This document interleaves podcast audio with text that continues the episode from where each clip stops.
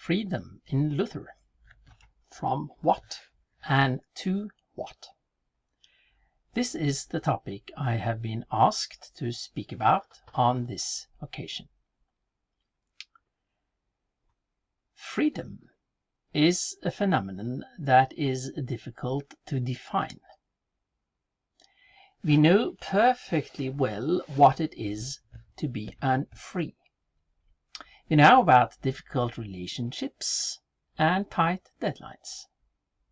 But sometimes all limits and borders disappear and we can do what we want.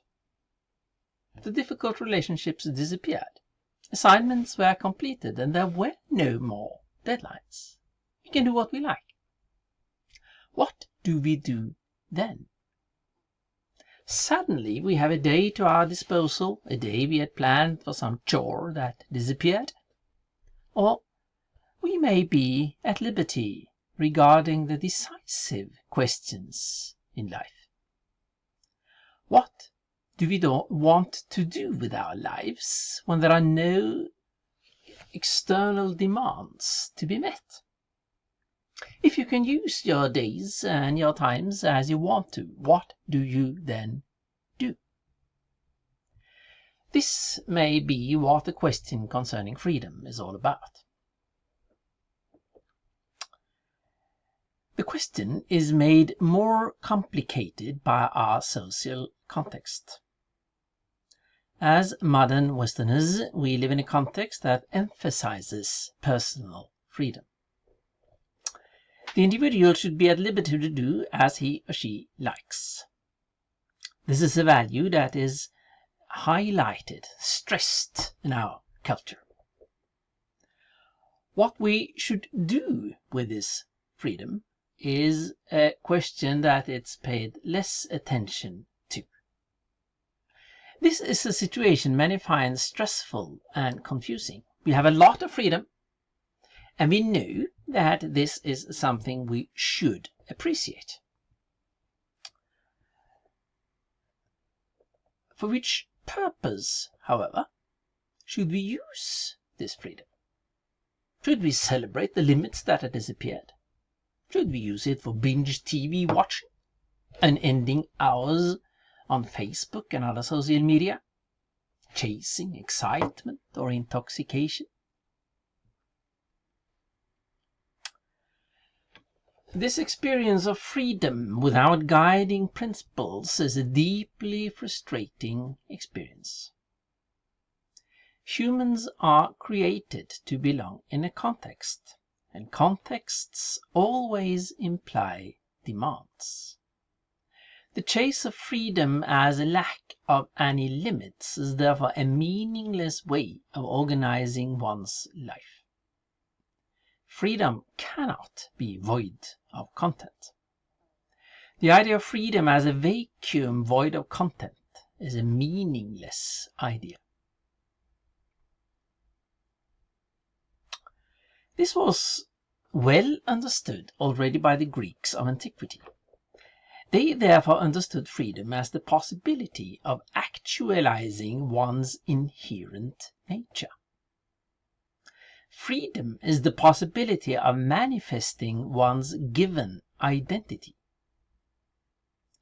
Freedom is not limitlessness. Fish are free when they swim in the sea. For fish, the necessity of being in water is not a limitation but a precondition for growth and development. A tree is free when it has water and nourishment.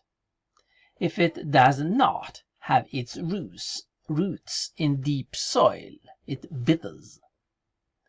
The attempt at liberating oneself from the context within which one belongs leads to death. The important question for humans is therefore, how should we realize our inherent nature? In which medium should we live to grow and develop freely?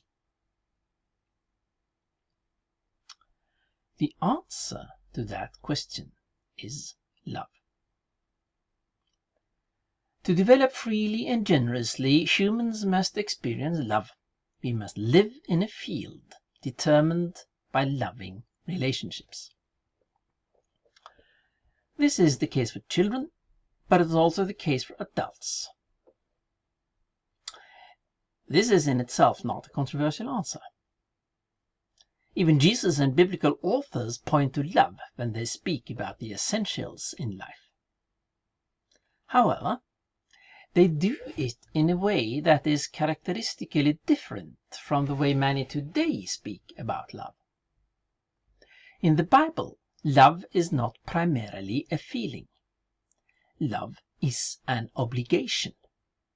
You shall love your neighbor as yourself. Love is the context within which you must find yourself if your life shall be meaningful. Love and be loved. This is the life's basic demand for you. Only then you are free to become who you are. It was probably reflections along these lines that made Luther start his well known book on the freedom of a Christian with the following statement, and then use half the book to unfold it. A Christian is a perfectly dutiful servant of all, and subject to all. From the supposition that freedom is to do what you want to do, this is a strange statement. However, Luther is not a modern Western person primarily concerned about individual freedom, considering liberty as the allowance to do what pleases him. He thinks in a biblical way, and he have therefore no problems in filling the second half of this book with biblical passages teaching us that the meaning of life is to serve one's neighbor. The goal, Says, is to be captured by love, to the extent that one has a joyful, willing, and free mind that serves one's neighbor willingly. A love like this takes no account of gratitude or ingratitude, of praise or blame, of gain or loss. For a man does not serve that he may put men under obligations. He does not distinguish between friends and enemies, or anticipate the thankfulness or unthankfulness, but he most freely and most willingly spends himself and all that he has, whether he wastes all on the thankless or whether he gains a reward.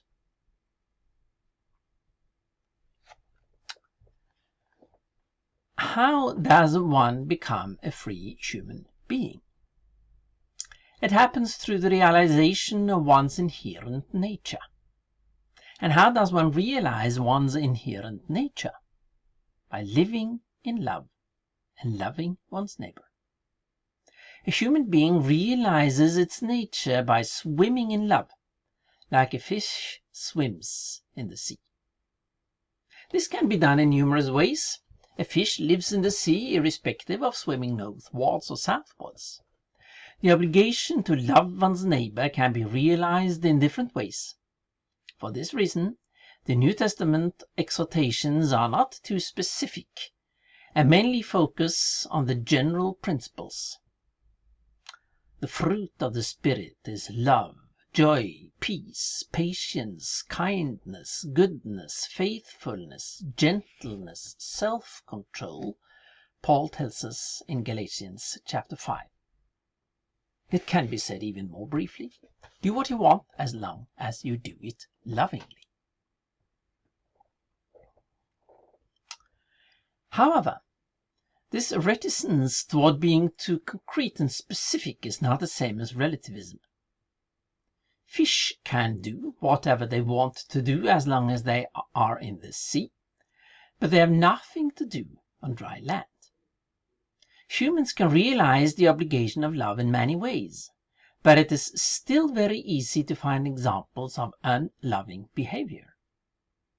One of the more complete lists of examples of unloving behavior in the Bible is found just a few lines above the passage from Galatians 5 I just quoted.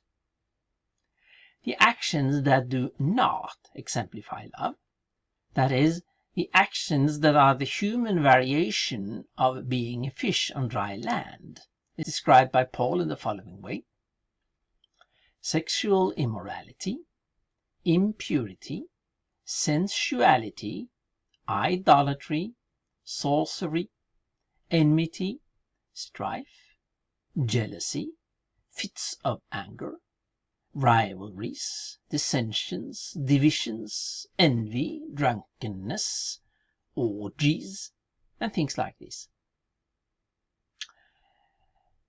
This is an interesting combination of unloving attitudes, and different persons are affected in different ways by the phenomena Paul here addresses.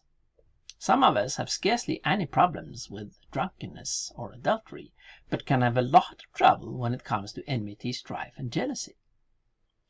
Others may have no problems with the warning against envy, but are affected by the warnings against sorceries and orgies.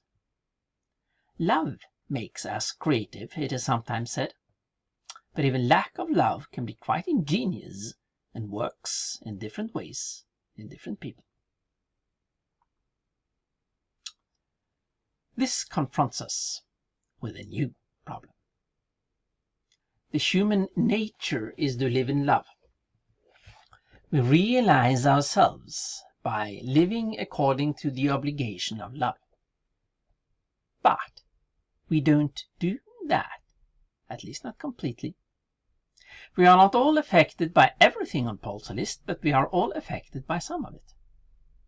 The complete realization of the obligation of love is beyond our possibilities.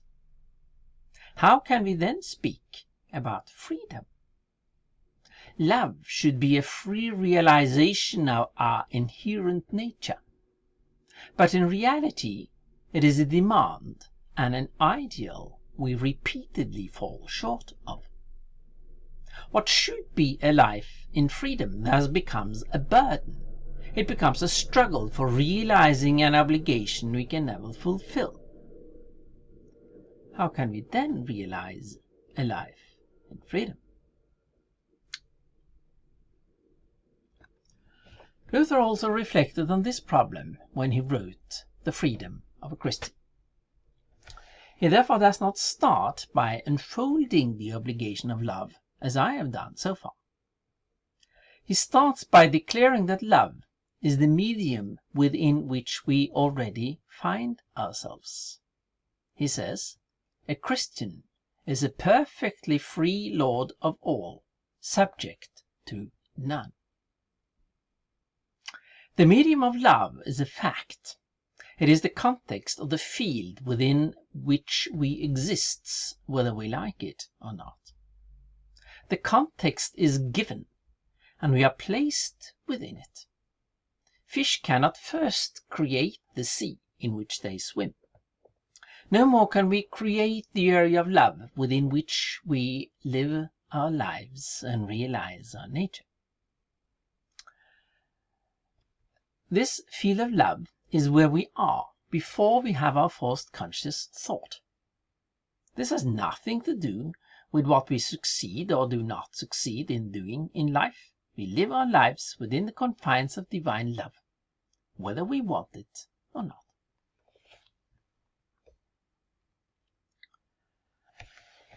This is a fact, but we may have a hard time discovering it.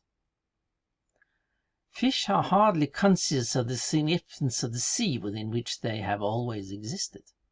In the same way we are hardly conscious of the significance of the divine love within which we live and move and have our being, according to Acts 17:28. For us to understand the significance of the love within which we live, God must act and open our eyes to the reality of our life. This is something he does through the Gospel, which in this way becomes the precondition for us being aware of loving freedom within which we live. No contribution from our side can place us within the loving context in which we were created, but drastic measures may be necessary for us to understand that this is the place we indeed are. When that happens, we can honor God as the origin of the field of divine love, but our lives play out. We need this recreation. We need to have our eyes opened. For reasons we do not fully understand, the good world God has created appears ambiguous, the implication of which is that we do not honor God as the origin of love and the giver of all good gifts.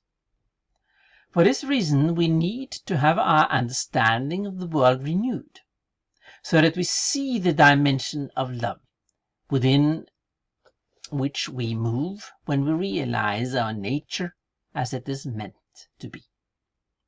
This understanding of divine love as the medium within which we move in our lives is what Luther calls faith.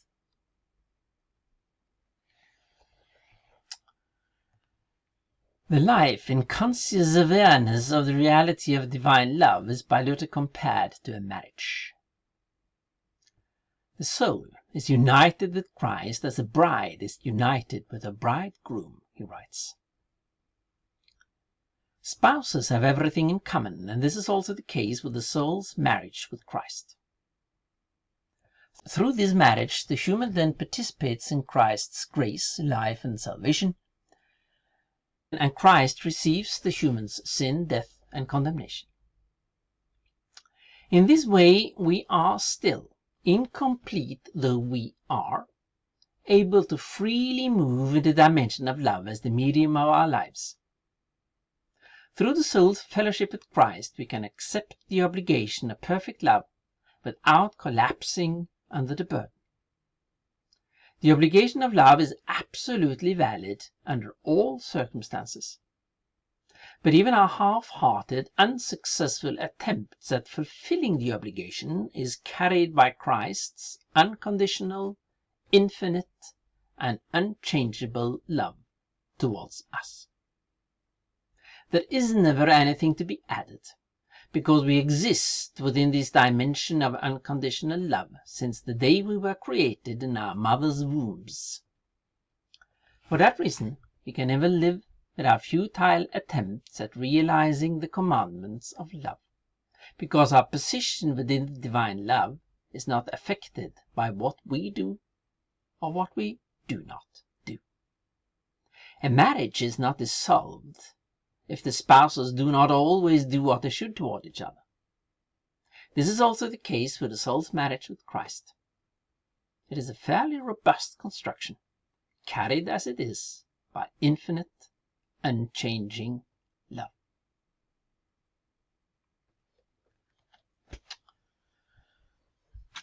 I started by speaking about freedom, but I've ended up speaking mostly about love. The reason is that it is love, that is divine, infinite, and unchangeable love, that is the answer to the two questions asked in the heading of this lecture. The questions concerning what we according to Luther is free from and free to. What are we free from? We are liberated from our proclivity toward loveless egoism.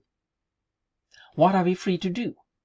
We are free to realize unconditional, undemanding love in our lives. Primarily in our relations with the ones who are closest to us spouse, children, and parents. Our closest relations are always the most important area for our realization of the commandment of loving our neighbors. Only two interhuman relationships are explicitly addressed in the Ten Commandments, and those are the relation between spouses and the relation between children and parents.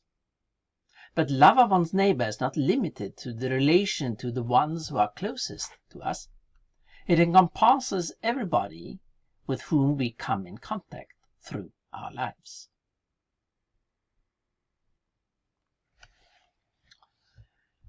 This may always become a burden, and then freedom disappears. For that reason, a life lived within the dimension of loving one's fellow human beings always is nourished by the relation to God as the origin of love. We are placed within the area of divine love without any contribution of our own. Divine love is the innermost reality of the world, and this is something we can never change. But a life with God in prayer and worship is a precondition for experiencing it and thus realizing it.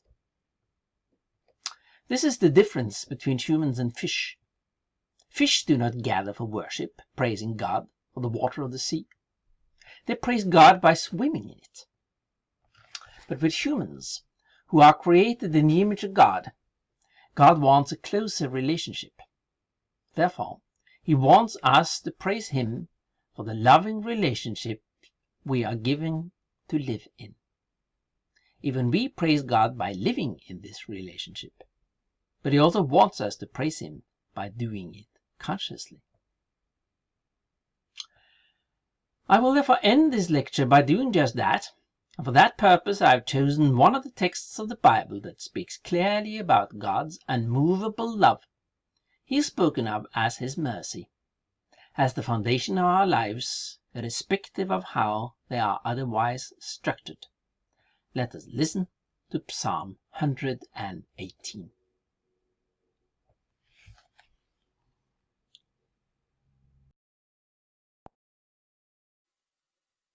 Psalm 118 O give thanks unto the Lord, for he is good, because his mercy endureth forever.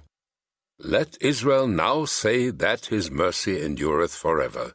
Let the house of Aaron now say that his mercy endureth forever. Let them now that fear the Lord say that his mercy endureth forever. I called upon the Lord in distress. The Lord answered me, and set me in a large place. The Lord is on my side. I will not fear. What can man do unto me?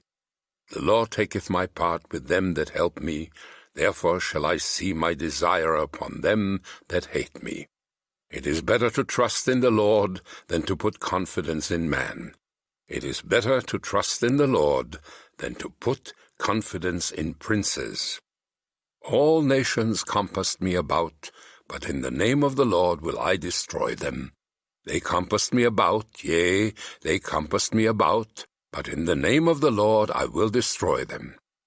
They compassed me about like bees, they are quenched as the fire of thorns. For in the name of the Lord I will destroy them.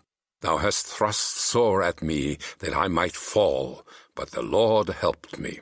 The Lord is my strength and song, and is become my salvation. The voice of rejoicing and salvation is in the tabernacles of the righteous. The right hand of the Lord doeth valiantly. The right hand of the Lord is exalted. The right hand of the Lord doeth valiantly. I shall not die but live, and declare the works of the Lord. The Lord hath chastened me sore, but he hath not given me over unto death. Open to me the gates of righteousness. I will go into them, and I will praise the Lord. This gate of the Lord, into which the righteous shall enter, I will praise thee. For thou hast heard me, and art become my salvation. The stone which the builders refused is become the headstone of the corner. This is the Lord's doing. It is marvelous in our eyes. This is the day which the Lord hath made. We will rejoice and be glad in it. Save now, I beseech thee, O Lord. O Lord, I beseech thee, send now prosperity. Blessed be he that cometh in the name of the Lord. We have blessed you out of the house of the Lord. God is the Lord which hath showed us light. Bind the sacrifice with cords, even unto the horns of the altar.